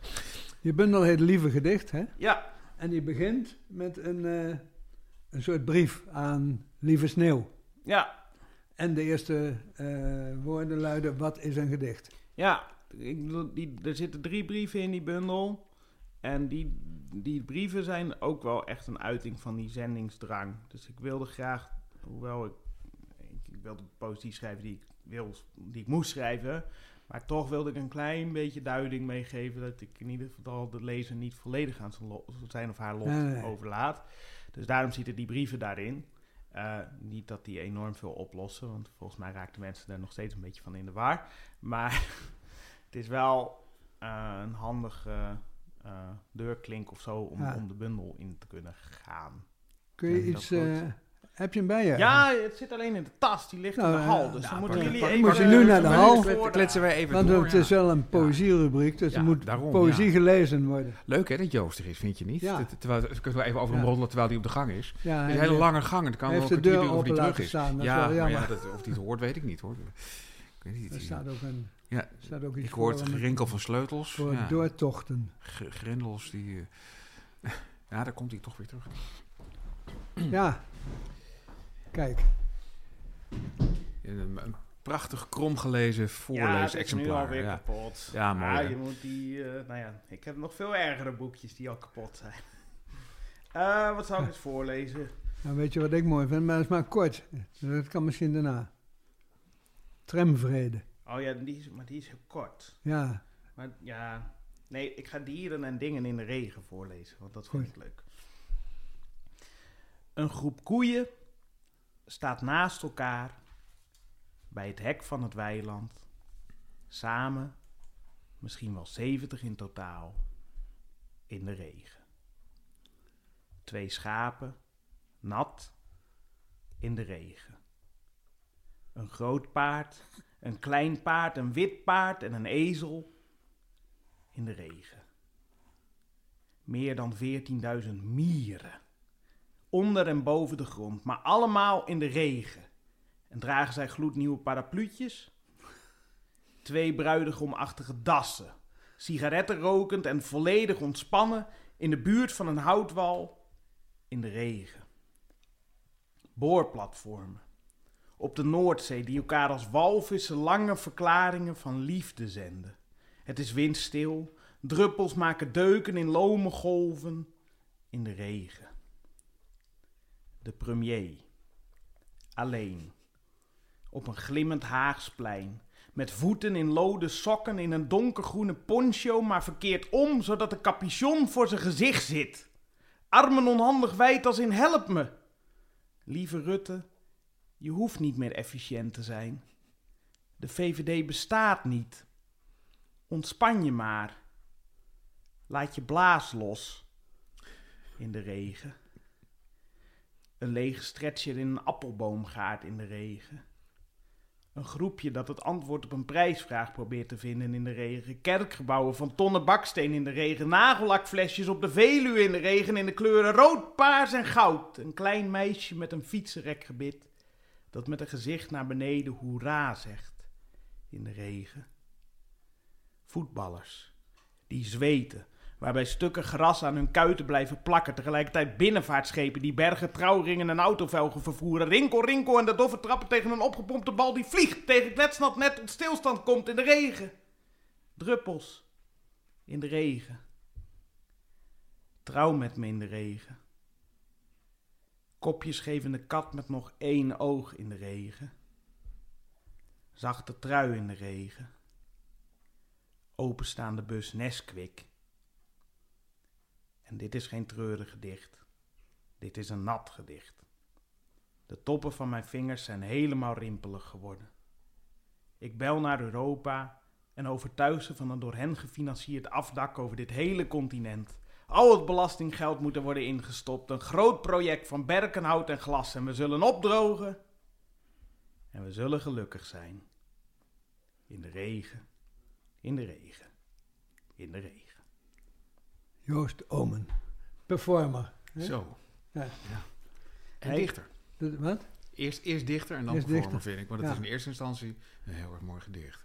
Nee, ik wilde deze ook graag voorlezen, omdat hij zo, wat, wat ik net zei over die twee dingen die je bij elkaar zet en dat er dan wat gebeurt, Ja. dat, dat zit heel voor, dat, dat lukte me toevalligerwijs goed in, in dit gedicht. Omdat als je zegt een lege stretcher in een appelboomgaard in de regen. Ja, dat vond ik Ja, het mooiste beeld van het. Maar Ja. ik bedoel, een lege stretcher in een, en die appelboomgaard en die regen, het heeft op het eerste gezicht heeft niks met elkaar te maken. Maar als je dat bij elkaar gooit, dan krijg je een beeld en dat beeld, dat beeld, doet iets ja. met je. Ja, En dat, Hmm. ik snap niet hoe dat kan. Waar dat dan zit en hoe die werking dan werkt. En waarom... denk je Dat- dat je daar nog achter gaat komen? Weet, ja, ik denk dat heel veel dichters hier al mee bezig zijn Ja, mee. En- bezig. Maar dat je weet wat dan het geheim daarvan is. En, en is dat wel te hopen? Want is het Ja. nog leuk als je erachter Misschien komt? moet je... Ja, dat is inderdaad. Stel je voor, je komt erachter en dan ken je het foefje en dan Ja. is het niet Ja. meer leuk. Maar ik heb wel bijvoorbeeld in die bloemlezing, daar staat ook een gedicht van een, eh, van een Azteekse dichter. En die snapte dit ook al prima. dat vind ik zo grappig dat er dan, of, en ook een beetje, ja, gra- grappig. Het Ik wordt nu panisch naar een Azteekse naam. ja, dat wordt lastig. Dat is eh, onder, onder het kopje anoniem, denk ik. Anoniem. Nee, dat is, eh, eh, ach ja. Oh jee. Anoniem, dat zou helpen. Ja, anoniem. 27, 31, ja, daar hebben we niks. Dat Kijk, de zang van Ayo Pechtli. Eh, Juist. maar waar is die dan in terechtgekomen? In welke afdeling? Oh jee. Dit- Geeft niks. De, maar we gaan het niet de doen. in inhoudsopgave ieder niet... geval, eh, dat... Ja, dit is lastig, Ah. dit. Weer een, Eh, We beginnen er wel over, maar ja. maar in ieder geval, eh, dat, in, in dat gedicht, die, die, die, die, die, die wist dat ook al prima. Dat je, als die twee dingen bij elkaar zet, dat er dan poëzie uit voortkomt. En, Ja, de zang van... Heb ja, je hem? ik heb het gevonden. oh, Hier. fantastisch. Hier. Doe. Ja. juist, hele opluchting. Ja. Nu. De zang, zang van Ayopechtli. Ergens op een plekje in het huis van Ayoperkattel worden visjes van smaragd geboren. Ergens op een plekje in het huis van Ayoperkattel worden kleintjes met een verentooi gebaard. Ergens in het huis van Ayoperkattel komt de volle buik tot leven. Sta op en kom hier. Word gezonden, sta op, kom dampend kind. Sta toch op en kom hier. Word gezonden, sta op, kom klein juweel. Sta toch op en kom hier. Ja. Ja. Maar, maar dat, dat is spannend, dat een dichter Ja. die niks met de westerse literatuurtraditie te maken kan hebben gehad. Want dit, Nee. dit gedicht is via een enquête eh, gevonden vijf jaar nadat de Conquistadors daar, eh, daar, daar binnenkwamen. Oh. Dat was een hele gekke pater die met een enquête dat, dat rand, de land doortrok. Eeuwen geleden dus. Ja. Eeuwen geleden. En toen heeft het een hele tijd in een klooster in Spanje gelegen. En de paus wilde het eigenlijk verbranden. En dat is gelukkig niet gebeurd. En toen is het uiteindelijk... eh, En, en toen heeft H.C. ten Berge te pakken gekregen. ja, hij is heeft het vertaald. zeker. H.C. Ten is Berg dit heeft in de jaren Ja. zeventig heeft een boekje gemaakt met de, weer, Ja, ja. deze poëzie die in dat, dat gek, die gekke codex eh, Ja. zat. Ja, Ik denk dan meteen, weten we wel zeker dat het echt zo is? Of is het gewoon een gedicht van H.C. ten Ja, dat is altijd weer spannend. Nee, Ja. het- van dit weten we het wel redelijk. we- Zutphen. weten we het zeker, zeker. Want er er staan eh, ook helemaal een uitleg bij over de, Oké, de, ja, de. Azteekse poëzietraditie en zo. Maar dat is dus gek. Dat, ik bedoel, Ja. dat is een, er is een Azteekse poëzietraditie. Die heeft niks te maken met de westerse t- poëzietraditie. En toch doet, doet deze dichter ongeveer hetzelfde met die, met die kleintjes met een verentooi en die visjes van smaragd en zo. Dat- Ja. dat- en die dichter snapt, ik gooi dat allemaal bij elkaar en dan ontstaat een, een zekere poëzie. Ze hadden ook een schitterend subsidiesysteem bij de Azteken. Dan, Oh ja? Ja, ze hadden gewoon in, het, in een stad een heel groot huis. En daar stopten ze alle dichters in. En die moesten dat schrijven. En dan hadden ze nog een ander huis. Ze hadden twee huizen voor de dichters. Eentje voor de dichters die dan heel eh, bezig waren voor de goden en weet ik veel wat. En eentje voor, voor die meer ge- gezangen voor feesten en zo. En De leuke cabaretiers. De De, cabaretiers, de- inderdaad. De drieërs. En, ja, ja. Ja, en dan, dan- maar die hadden dan allebei zo'n eigen heeft- huis. En dan gooit het gewoon eten naar binnen Ja. en zo. En een drank en weet ik veel wat. En dan, Ja, heeft Stalin gedaan met kunstschilders. Hè? Een heel Oh ja? apart Ja. dorp in de Oeral. Oh, waar ze in, in de watten werden gelegd en staatsopdrachten uitvoerden. oh ja. Dat de mensen naar Kazachstan moesten verhuizen. En dan maakten die schilders duidelijk hoe mooi het daar was. Oh ja. Ja, dat was het idee. ja. Ja. Maar ja, Je die, bent... Wat? Ja, dat, ja, die heeft dan weer allemaal andere dingen gedaan die niet zo leuk waren. Nee, maar ja. De Azteken Ja, ook. Azteken Ja, dat ook. zeggen. Kom op. Kom. Je, Kijk, ge- dat moet je ruim zien. Ja, oh ja. je, In ge- traditie. je bent geïnspireerd, zei je wel eens, door Loetje bij M. Vinkenoog. Dat is een... Nou ja, kijk. Vinkoog wordt, niet zo, wordt niet zo vaak genoemd eigenlijk als inspirator, of wel? Nee, dat klopt. Eh, Vinkoog heb ik gelezen toen, toen ik net begon met poëzie. Ja. En eh, ik, weet, ik was toevallig dus gisteren in Friesland, waar ik ben opgegroeid. Ja, dat En- heb ik opgeschreven. Ge- IJsbrechtem, wat een prachtige naam. Ja, het is een erg interessant dorp. Het is heel klein. En ik was er Ja. dus eh, gisteren en er is werkelijk waar niets veranderd in dat de hele In dorp. IJsbrechtem. Het is echt bizar. nog even. Eh, maar goed, eh, daar in IJsbrechtsem hebben ze een, een staten. Zo'n Friese staten. Ja, de ja. Epema staten heet dat. En daar zit een bos omheen. En in dat bos, daar ging ik dan wel eens toen, toen ik 15 was en net begonnen was met poëzie lezen. Toen ging ik daar met het verzameld werk van Vinkenoog, dat grote, dikke, rode Ja. boek. Ging ik in een bosje zitten en dan een jointje roken. En dan mezelf die poëzie voorlezen in de hoop dat ik in trance zou raken. Dat werkte niet, maar dan ging ik wel heel veel schrijven. Ja. Heel veel boekjes vol. Hele slechte poëzie. Maar dat heeft me wel... Ja, ik raakte daar vrij enthousiast van. En dat was ook in de begindagen van, van YouTube. Dus van Vinko kon je best wel veel filmpjes Ja. vinden. Ook Ja, omdat hij toen natuurlijk vrij veel bezig was met die platen van met Spinvis. Ja. Ja. Dus eh, dat En de ik- woorden enthousiast en vinkenhoog, die passen Ja, wel. Daarom, natuurlijk, daarom. ja. En die had dan natuurlijk ook een enorme zendingsdrang. Van iedereen moet aan de poëzie. Dus dat is, Ja, inspireert me nog zeker. De- ik, ik, ik moet denken aan, aan het verhaal van de Velvet Underground, zeg maar. Er kwa- kwamen niet zoveel mensen kijken bij de Velvet Underground, maar iedereen die kwam, richtte wel zelf een band op. En Ja. volgens mij geldt dat voor Vinken ook. Volgens mij is, hebben niet zo heel veel mensen hem gelezen, maar wie dit ging do- doen, die ging wel zelf dichten. Ja, Ja. Dus ja, Het is ook een, ja, het is gewoon een, ook behoorlijk prettig instapmodel. Het is niet dat ik nu Ja, nog ja. enorm geïnspireerd word Nee, door Vinko. ja. En soms vind ik hem ook, als ik het nu nog teruglees, veel te zijig en veel te, Zijig, te groot denken. je moet het toch horen ook. Je moet je het moet zeker ook hebben. horen. Ja. Dus, eh, maar eh, ja, het, het, zorgt er inderdaad wel voor dat je gaat schrijven. Maar het is goed dat je dit zegt van je moet het ook horen. Want ik, weer de Pussy Boys, ik begin er steeds over. Maar Ja, die hebben dus ook een voorstelling gemaakt over Vinkoog. En dan Ja. dragen ze die gedichten ook voor. En dat is eigenlijk wel heel prettig dat dat dan nog gebeurt. Want zeker met die podiumdichters die er dan niet meer zijn, zoals Vinkoog, Ja. maar ook, ook Johnny van Doorn en zo. En Ja, Jules. Deelde natuurlijk ook. Dat is gewoon jammer dat die alleen nog te vinden zijn in bloemlezingen. Eh, want je moet het Ja. ook horen. En dat Ja. als, ja, ik vind, ik bedoel, dan kan je naar een filmpje zoeken op, je- op YouTube en dan heb je het een klein beetje. Maar het is leuker als iemand het gewoon voorleest en dan met dezelfde passie en intensiteit. Drive. Ja. Ja, mee eens, zeker. Ja. Dus dat, dat is de moeite waard, zeg maar. Dat dat, dat, dat is gebeurd. Dat nu dertigers dit ontdekken, herontdekken, eh, er rekenschap van geven en het, en het weer laten klinken. Maar het lijkt me Dat ook wel heel leuk om ja. een keer een, een soort met eh eh eh coverbandavond, maar dan voor podiumdichters te organiseren. Ja, oh, Oké, dat jij heel deelder gaat doen of zo. Ja. Ik weet me nog een keer een, een nacht van de poëzie te herinneren, maar dat is wel echt wel lang geleden. Toen deed Daniel Vis, die was dan Ja, ingevlogen die was het als hoofd. Jotie het hoofd. Ja, toen. klopt, Dat ja. was Oh. fantastisch. Ja, dat, dat, dat klopt. Ik, ik, weet- ik weet het omdat, omdat ik een van de medeprogrammeurs en organisatoren was van die specifieke nacht. We hadden, we hadden er drie. Eh, we hadden inderdaad Daniel Vis, die, die Jood het hoofd deed, omdat de gelijkenis krankzinnig treffend is, alleen al fysiek. Ja. Als je fo- oude foto's ziet van het. Dus eh, hij is een soort fysieke reïncarnatie. We hadden Hadewig Minis en die deed van Zales. Oh ja, ja. Eh, en volgens mij was er nog één. En eh, helaas heb ik die verdrongen. En- maar we hadden er drie, dat volgens mij. Het was ook heel bijzonder. Hadewig Minis die inderdaad ook zich een beetje had, had verdiept in de foto's. En, en, en ja, probeerde het van, nou, hoe wordt er gesproken? Hoe, hoe beweegt ze? En, en het was uncanny. Het was, Ja. het was heel bijzonder om, om, om te zien. Het waren die vreemde Ja. jaren dat de Nacht van de Poëzie niet in Tivoli-Vredenburg Nee. was, maar zo her en der. In de, in de stad Schouwburg-Utrecht twee keer en één keer in een soort mediazaal van, van, van de jaarbeurs. Wat heel goed was, want die hadden zulk reden snel internet dat we live contact met Vrooman en, en, Oh, en zijn vrouw konden leggen. Ja. Dus dat was, was wel heel mooi. Met, met, met dat bekende verhaal dat hij had voorgelezen. En dat hij opeens vroeg uit het niet zijn er nog vragen. En dat de dichter Marijn Baas uit Utrecht toen opstond en zei... Ja, ik heb een vraag. Hoe moet het nu verder met alles? En dat Vrooman binnen één seconde reageerde met... Dat weet het alleen. Waarna iedereen gevoerd was.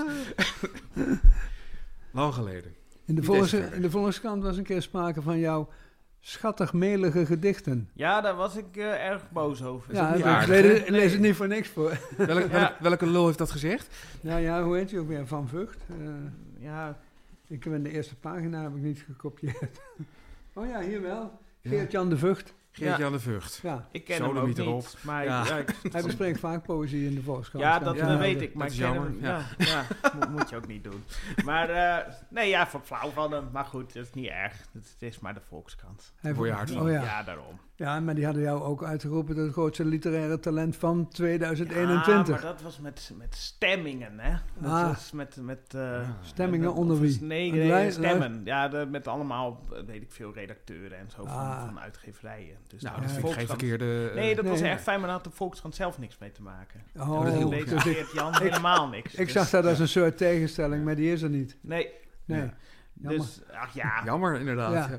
We hebben Maar- graag controverse, maar is- Ja, Maar het is wel waar dat als je af en toe een slechte recensie krij- krijgt, dat is volgens mij wel goed. Daar word je inderdaad wel hard van als, als dichter. Ja, weet je, het is, het is wel zo, als, als, als ik voor mezelf mag spreken, ook ik werd in, eh, in, in de Volkskrant eh, afgemaakt toen ik, net, eh, toen ik net begon. En dan denk je inderdaad van, dit is het einde van alles en nou, nou, nou, komt het nooit meer goed. Dat is helemaal niet waar. Dat maakt, Nee. maakt uiteindelijk ge- geen fuck uit. Het zet alleen een pad uit van, oh ja, dit ga je wel allemaal doen en dit gaat je wel ten deel vallen en dat allemaal niet.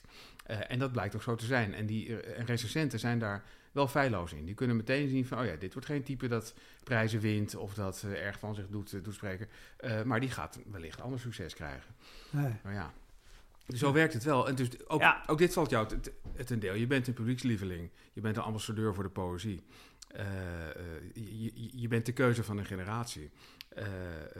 En je bent niet het type dat, dat, dat de ene na, na de andere onduidelijke prijs gaat dat- binnenslepen Nee, en de nee, nee. haalt. Zeg je dat, na, Ja, dat denk zeg ik je dat na? zeg je dat na? Beaam je dat? Ik, Ja, ben, de nee, keuze dat- van, ik ben de keuze van een generatie. Oh nee, dat, eh, Ja, ja, dat moet, ja, dat zegt Ingmar. Maar. Ingmar is veel te aardig. Maar eh, nee, eh, maar ik, ik begrijp wel dat er een zekere splitsing ontstaat. Best vroeg al, als Ja. je gaat publiceren tussen mensen die gelezen worden en mensen die prijzen winnen. Ja. Oh, ja. En er zijn die recensenten ook voor om dat, om dat aan te wijzen. En eh, ja, als ze maar consequent van toon zijn, dan is het ook wel goed. Want dan kun je, dan kun je ook op varen. Nou ja, jij treedt op. Hoeveel mensen zitten er in zo'n zaal? Ja, Meer. een- een- Waarschijnlijk meer dan een bundel kopen, of niet?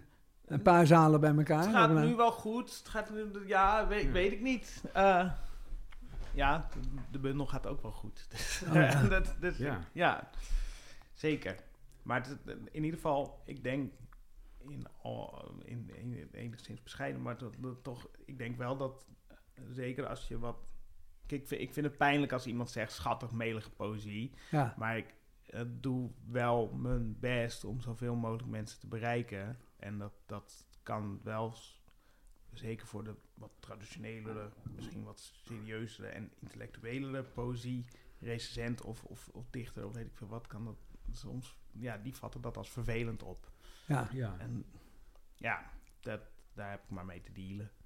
ja, want dat was voorheen ook erg zo. Hè? Het, het gebeurde wel, poëzie in het theater. En dat heette dan poëzie hardop. Maar dat was helemaal in de sfeer van, van Hugo Oosterhuis en zo. Zou ik maar Ja. Dat is eh, Maar je hebt natuurlijk ook wel gehad. plechtige poëzie. Ja, maar je hebt natuurlijk ook wel gehad, en ik, ik wil liever in die traditie gaan staan van Johnny van Doorn bijvoorbeeld. Ja. Die heeft ook wel theatershows gemaakt. Die heeft ook eh, in de kleine comedies zijn shows gespeeld. En Jules Ja. deelde natuurlijk ook, die heeft heel veel getoerd. en Weet Ja. ik wat. Ja. Maar dat zijn allemaal wel lui. Ja, die hebben nooit de VSB Poëzieprijs gewonnen of zo. Of, of Nee. andere- Nee. Ja, dat, zit- dat zit er dan niet in. Ander, ander succes is dat. Ander succes. Eh, en, en, en het zit En niet ik alleen maar zeg in- denk ja. ik wel leuker succes.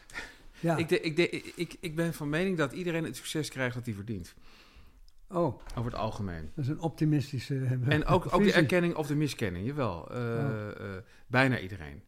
Laat, laat, ook, laat, laat ik er bijna van maken. Maar over, over het algemeen, waar je blijkbaar op uit bent, ook al weet je dat in het begin vaak niet, dat is wat je ten deel valt. En je moet ervoor zorgen dat je nooit verbitterd of, of gefrustreerd raakt over het feit eh, dat iets anders waarvan je vindt dat je het toch ook zou kunnen verdienen. En die ene andere lul of trut krijgt het allemaal wel. Dat dat jou niet ten deel valt. Want dan word je heel snel ongelukkig en verbitterd. En eh, miskenning is altijd terecht, namelijk. En waar jij op uit bent, dat is de poëzie vooruit. Ja, eh, ja daar ben Ja. ik wel op uit. John, poëzie is, is inderdaad, het heeft dus bijna eh, 18,8k volgers. Dus bijna 19.000 mensen volgen dat. Wil je je voorstellen? Ja. Ik Ja. ook, ik, ik, ik ben een van hen. Dat is, dat is een heerlijke eh, eh, selectie van poëzie die gewoon nou ja, duizenden schermen achter elkaar doorgaat. Ja. Eh, eh, en dus ook eh, op, op papier gestold. Daar wou ik het ook nog wel even over, over hebben. Ja. Een verrassende bloemlezing. eh, in heel veel opzichten. onder andere door de hoofdstukindeling. Had je, had je dat gezien? Ja, Er zijn dus hoofdstukken eh, voor als je eerst een kleine rondleiding wilt. Nou ja, oké. Voor als je je verveelt. Voor als je hart gebroken is. Nou, prima. Maar ook bijvoorbeeld voor als je een figurant voelt. Of voor als je opziet tegen het familiediner. Of voor als je niet van de bank af kunt komen. Of voor als je net een hert hebt gezien. En daar dan een selectie van gedichten ja, daarmee, daarmee te maken hebben. Eh, hoe, hoe hebben jullie dit precies? Hoe, hoe- eh, allereerst, eh, hoe verhoudt dat account zich, Poëzie is een daad op Instagram, wordt er allemaal lid van, eh, wie dat nog niet is, tot, tot deze papieren bloemen? Is dit een Ja. neerslag? Is het een selectie? Oh, eh, nou, eerst dat account. eh, dat, dat- want ik zal ook even vertellen wat dat dan is. Want dat is wel handig. Je hebt natuurlijk heel veel dichters nu op Instagram. En Ja. die schrijven allemaal hun eigen poëzie. En die plaatsen dat dan online. En dan, dan eh, zijn er, hebben ze meer of minder volgers. Maar vaak is dat eh, niet al te best, die poëzie. Eh, dat is helemaal niet erg, want ook voor slechte poëzie is een, eh, een, een groot lezerspubliek. Maar ja, wij vonden het erg vervelend dat die poëzie die, ja, die Jentel, Stephanie en ik iets minder interessant vonden, dat die heel veel werd gelezen op, op, op Instagram. Ja. En goede poëzie die in de bundels bleef, niet. Dus toen dachten we, we gaan el- elke dag een gedicht uit een bundel fotograferen en dat online zetten. En dan kunnen Ja. mensen dat lezen. Dat was al Ja. een keer eerder gedaan door een stel Amerikanen. Die deden dat met de Engelstalige poëzie, maar in Nederland Ja. kan dat ook prima. Eh, en dat zijn we toen begonnen. En dat, dat loopt nu dus een beetje spuigaten uit met 18,8 eh, Ja. eh, eh, k volgers. Maar dat is wel heel leuk, want dan kan je dus... ja, je hebt dan 10 dagen dienst en dan, dan moet het 50-50 man-vrouw... en en een aantal procent eh, mensen van kleur. Eh, maar dan kan je dus, eh, weet ik veel, een gedicht van Wim Brands erop gooien... en dan, dan Ja. zie je dat, nou, dat Ja. bijna 1500 mensen dat liken op een dag. Leuk is dat, hè? Ja. En die lezen dan allemaal dat gedicht van Wim Brands diezelfde dag. En dat vind ik, dat, dat, dat, daar word ik erg blij van. absoluut. Nou, en die, en Ja. die, en die Amerikaanse, eh, dat is Poetry is not a Luxury. Ja. Eh, dat heeft dus 729.000 volgers. Ja, En, dat, en die ja. plaatsen ook niet alleen maar heel zoetsappige, laagdrempelige Zit van alles bij, Die doen leuk. echt van alles. Dus, eh, en dat- wordt ook goed gelezen en Ja, maar- gedeeld en weet ik veel Maar als dat zo succesvol is, waarom dan ook nog in druk? Ja, dat is wel een goede vraag. Ja, Nou, omdat dat heb je toch al. Omdat wij alle drie ervan overtuigd waren dat er ook een heleboel poëzie bestaat die gewoon het lekkerste is als je het op papier leest in plaats van op zo'n schermpje. Ik, Oh, ik geloof nog Is dat zo? Ja, tuurlijk. Ik geloof nog steeds dat, dat het boek, eh, eh, die vreemde klomp papier, dat dat nog steeds iets toevoegt aan Een vreemde de klomp papier. Ja, En Ja. ja. ja, dus dat, dat, daarom wilden we het ook graag in, in boekvorm. Daarbij heb je, eh, moet je meer cureren en moet je meer... eh, want ik bedoel, het internet, daar is ruimte voor alles. Voor alles, kan er is altijd maar meer op. onuitputtelijke bron Ja, van dus dan, dan, eh, hoef je, alle... dan hoef je niet te cureren. Dan kun je Nee. gewoon blijven doorpompen. En in Ja. zo'n boek moet dat wel. En je moet nadenken over een indeling. Dus dat, we hebben inderdaad al die categorieën bedacht. Ja, dat noem je cureren. Alsof- Ja, ja. dus Alsof je een museum tentoonstelling Ja, nee, ja, je moet Curator. Ja, ja, je moet kiezen welke gedichten er dan wel in komen radiëren en cureren. Ja. Dat is, een beetje Ja. wat poëzie Radiëren en cureren. al twee nieuwe woorden opgestoken. Is wel, wel, wel goed. Nee, maar ik, ik, ik, ben het met je eens. Dit, dit, dit, geeft me ook, ook wel opeens het, het, het gevoel van... is papier dan het vinyl van Nou, ja, in zekere literatuurliefhebber? Ja. Ja. Ja. Mijn, mijn vriendin die heeft een plaatszaak en die... eh, Oh ja? eh, ja, ja, zeker. En die, die, die verkoopt dus heel veel vinyl weer. Omdat ja, de mensen vinden dat toch lekkerder en mooier Ja. om te Ja. luisteren en weet ik veel wat. En nu, heeft, dat is wel grappig dat dat effect nu ook een heel, heel klein beetje begint op te gaan voor cd's. Dus dat er ook Ja. meer mensen cd's kopen, omdat ze dat dan... Dat cd's. En bandjes natuurlijk, ook dat. Ja, weer bandjes ook wel, ja. maar die, Nee. Die wil ze niet verkopen, want ze vindt dat een slecht product. Want die gaan de hele tijd stuk en dan moeten mensen met zo'n potlood weer, weet ik veel. Ja. Ja, maar dat is juist... Ja, dat vind ik ook wat Ah, gaaf. vind- vind ik maar- ook, maar... ze- En Vind- deze geloof ik wel. Maar met, met vinyl is dat ook zo. Dat, is- ik ben onhandig. Dan moet je die, die weer een nieuwe naald. En waar koop ik een nieuwe naald? Eh, eh, Oh, je kan overal Oh, nu nieuwe naalden Ik kopen. heb- Daar, daar is via het internet weer heel goed aan Ja, te komen. daar- ja, zeker. Dus dit is een, een gesloten systeem. Gaat wel goed. Als je internet hebt, dat wel. ja, dan moet ik het internet zo zien Ja. te Maar het is wel, wel grappig om, om dit zo nu een beetje... Want je, ik, eh, mijn idee over wat mensen mooie poëzie vinden is ook wel weer veranderd. Dus bijvoorbeeld, er staat hier een, een zo'n gedicht in eh, van, eh, ehm, van Gerrit Krol. Eh, En Ja. dat is een heel mooi liefdesgedicht. Eh, ik moet het wel even vinden. Ja, Maar eh, hij zoekt Ik ook. heb hem oh. Heb je hem? jij bent sneller dan ik. Ja. Ja. Lees hem voor, alsjeblieft. Ja, nou, ik vind dat dus erg bijzonder dat dit dus echt een, toen we dit erop gooiden, werd dat echt een groot hitje. Dus ieder- iedereen was, vond het leuk, mooi en veel likes en heel veel delen met eh, andere mensen en weet ik veel wat. Terwijl het is een heel lang gedicht, het is helemaal niet zo simpel, maar mensen waren echt geroerd. Het heet Toen. Toen liepen we in de nacht en toen zong ik een psalm. En toen zong ik hem niet meer, toen voelde ik jou als een dun berkje. En toen nam je mijn smalle gezicht in je handen. En toen vond ik dat fijn. En toen nog een keer. En al door maar door. En toen zuchtten wij diep. En toen zonk de maan in de diepte. En de zon kwam op. En toen braken de bloemen tevoorschijn om te bloeien. En toen zwom er een eend in het rond. En toen ging er een vliegtuig door de lucht naar Hamburg.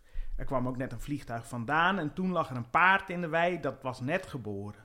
En toen kwam er een melkwagen voorbij en toen golfden in de verte de bossen en toen werd het donker en toen werd het weer licht. En toen ontbeten wij in het gras en toen dronken wij dauw uit het glas. En toen renden de mensen over het veld om te voetballen, om de bal een schop te geven. En toen zat er iemand aan het water om er een vis uit te trekken. En toen at ik die vis op. En toen fietste ik door de stad. En toen werkte ik en verdiende ik de kost. En toen voeren de schepen naar buiten in de schuinte van een mathematisch licht. En toen vocht Castro op Cuba. Dat was toen. En toen fietsten wij over de dijk bij Hoprede. En toen zochten wij een lichtplaats, geil als we waren. En toen vonden wij die niet. Ja, fantastisch is gedicht. Gerrit Krol. Ja. Ja. Hopreden, dat is in Noord-Holland. Ja. Ja. Maar het is ook echt, eh, eh, als, als we jouw langere gedicht net hoorden voorlezen, het, het heeft ook, ook heel veel mee te maken. Niet alleen maar omdat het een bepaalde opsomming is, maar er is ook een bepaalde manier van hink, stap, sprong, denken. Eh, dit, dit is eigenlijk een soort eh, eh, blauwdruk voor hoe jij ook kan denken. En, Ja. Ja, en ja, ja. werken. Ja. Dus hier herken je jezelf in. Dus Zeker, maar dat Ja. komt ook. Ik ben heel vaak over er de. ook Ger- in. Ja, dat Ja. komt omdat ik heel vaak over de Gerrit Krolbrug ben gefietst. Ach Dus ja, dat- natuurlijk. Ja. Waar is die? In Groningen. Ja, Oh, ja. Ja, aan het einde Ja. van de, de, de, de Ko- Korreweg. Ja. Ja, daar is ook een trein naar, naar hem vernoemd. Van, van, van. Er, er is een Gerrit Kool-trein die daar... Hij woonde zelf in Drenthe, eh, toch? gaat. Nee, jij woonde Ja, heel lang ook aan de Ja. Korreweg. Ja, zeker. In Groningen. En alleen nu is volgens mij de Gerrit Krolbrug kapot. Want volgens mij Oh. is er een schip tegen aangevaren. Ja, dat, Ja. Dat, dat kan ook nog gebeuren natuurlijk. Ja. Ja, Gerrit Krol zelf is er ook niet meer. nee, Een van de leukste en vreemdste dichters die we hebben gehad. Ja. Hij werkte bij Shell, hè? Dat is ook nog waar. Ja, zeker. To- toen dat nog kon, Zou nu niet in dank worden afgenomen in Groningen. Ah, maar toen was dat geen dan probleem. was de aarde nog kerngezond. Ja. Wel, Eh, nou, nou ja, Over vreemde dichters gesproken, ik zie nu ook dat, dat vind ik dan wel weer leuk, dat hij dan op zij en zij staat in de bloemlezing met een gedicht van H. ter Balk. ja. oh, Ook al zo'n rare Ja. Ja. dichter. Is, Ja. is daar een beetje over nagedacht in, in de spreads? Nee, Of- dit is toevallig. Ja, Nee, ja. We hebben ze wel dus allemaal in, in, in, Ja. in, in categorieën geduwd, maar dat deze twee nou net samen gebroederlijk een, eh, een, een, een jenever kunnen drinken in het boek. Dat wist is toch wel mooi. Ja, En er komt er nog één, toch, ooit? Of, of, of, of is dat nog van, eh, Jezus, alsjeblieft niet?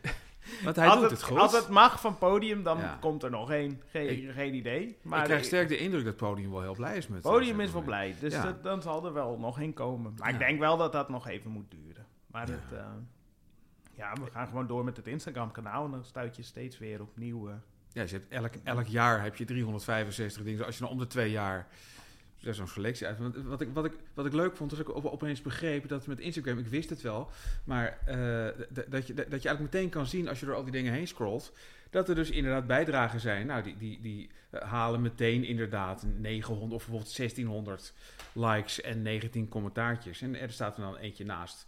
En die heeft 214 likes en 4 commentaren. Dus Ja. het is dan opeens. Maar dat is wel s- slecht. de- de- de- ik, ik heb daar ook wel af en toe wel een bloedend hart van hoor. Want dan Ja. post, post je iets wat, eh, wat, wat ik zelf dan bijvoorbeeld fantastisch vind. Was een, een, een, een Ja. soort met briefgedicht van Paul Snoek. In dat gekke Ja, boekje ja, ja, ja. Soldatenbrieven Ja, van Paul Snoek. mooi, En ja, ik, ja. ik vind dat fantastisch mooi. En dat kreeg maar 94 likes. Niet eens de Ja. 100 gehaald. Ja. En eh, gewoon, toen was mijn hart wel gebroken. Ik, ik moet, Maar dat heeft er ook weer te maken dat ik dat... Ik was toen bijna vergeten die, eh, te posten die dag. Dus toen heb ik pas om, oké. om half twaalf Dat speelt s'avonds- ook mee. Ja. Ja. ik moet zo weg, maar doe even voor mijn genoegen dan toch nog tramverreden. Ja, Goed? oh ja, dat zou Oh, ik ja. doen. Goed idee. Het is maar kort, maar Ja, heel dan- treffend. Ehm, Stond maar- voorin, geloof ik. Hè? Ja, hier. Tramvrede. Het is idioot om te geloven dat wanneer iedereen op hetzelfde moment hetzelfde gedicht zou lezen, de wereldvrede uit zou breken. Net zo idioot als wanneer je denkt dat dat gebeurt wanneer iedereen precies dezelfde schoenen draagt, of op hetzelfde moment dezelfde pauw ziet. Er zit een man in de tram met een muts op zijn hoofd, die een bos bloemen draagt, een boeket, met de stelen in een vuilniszak, niet om niet te lekken, maar om ze te beschermen tegen de regen. Iedereen ziet het en er breekt tramvrede uit. En dan natuurlijk toch wereldvrede, maar toevallig. Joost Omen, dankjewel. Ja, dankjewel. Dit najaar in de theaters. Ja, el- ongeveer En nu elk op bij ons. theater. Het wordt echt een monstertour, maar goed. Fantastisch. Ja, Ja, Nou, dan, dan, dan zijn we aan het, eh, aan, aan het einde van deze uitzending, ja, denk die, ik. Ja, die, die, die, precies. die Wiskit heeft net gebeld dat hij om twee uur zal wezen. Dus ik ga me nu naar de tram begeven. Nee, niet, niet de tram. De bus. De bus. De bus, dat, is, dat is goed. Nou, eh, Jo- Jo- John, we zwaaien je uit, maar dat, ja, dan ronden we ook, ook maar af. Want ja, als, als John er niet meer is, ja nee, dan, dan wordt het dan, houdt het op. Ja. Sterkte met het internet. ik kom nog afscheid nemen. Oh, goed, dan, dan, dan is het goed. Voor, ja, voor alle zekerheid. Dit doet hij anders nooit weglopen. Dat is echt iets nieuws. Eh, maar goed, dat vind ik ook wel goed. Niet alles hoeft ook altijd hetzelfde te Hij gaat blijven. de Gerrit Koolbrug repareren. Hij, precies, hij gaat tegen, iemand moet de Gerrit Koolbrug repareren. Ik weet het allemaal over Gerrit Kool, omdat ik een, een stukje over Gerrit Kool mocht schrijven voor Arriva. In verband met, met die trein die ze dus naar Oh, maar dat, hadden. dan Ja. moet ik je nog... nou, dit is Oh, heel is- belangrijk om dit te vertellen. Want er is Ja. dus ook een Vasalis-trein. Ja, dat klopt. Ja. En daar hangt een bordje in de Vasalis-trein. En dat is gemaakt door een stagiair, denk ik, van Arriva. Dat is helemaal misgegaan. Oh jee. Want daar, daar staan allemaal spelfouten in. Maar het allerinteressantste is dat er staat dat eh, Vasalis debuteerde niet met de bundel Parken en Woestijnen, waar ze daadwerkelijk mee gedebuteerd is, maar met de bundel Parkeren en Woestijnen. Prachtig. En dat is zo fantastisch. Ja. Ik wil dat bordje dus hebben. Nu, Ja, nu dat wil ik het bordje ik. hebben, ja. nou, top. Ik ga even naar het toilet. Ik, ik vond het enig. Ik vond Gezellig. het leuk. Dit was Camping de Vrijheid. Namens Nee, Ingmar en John Jansen ja, van Galen. eh, Tot de volgende aflevering.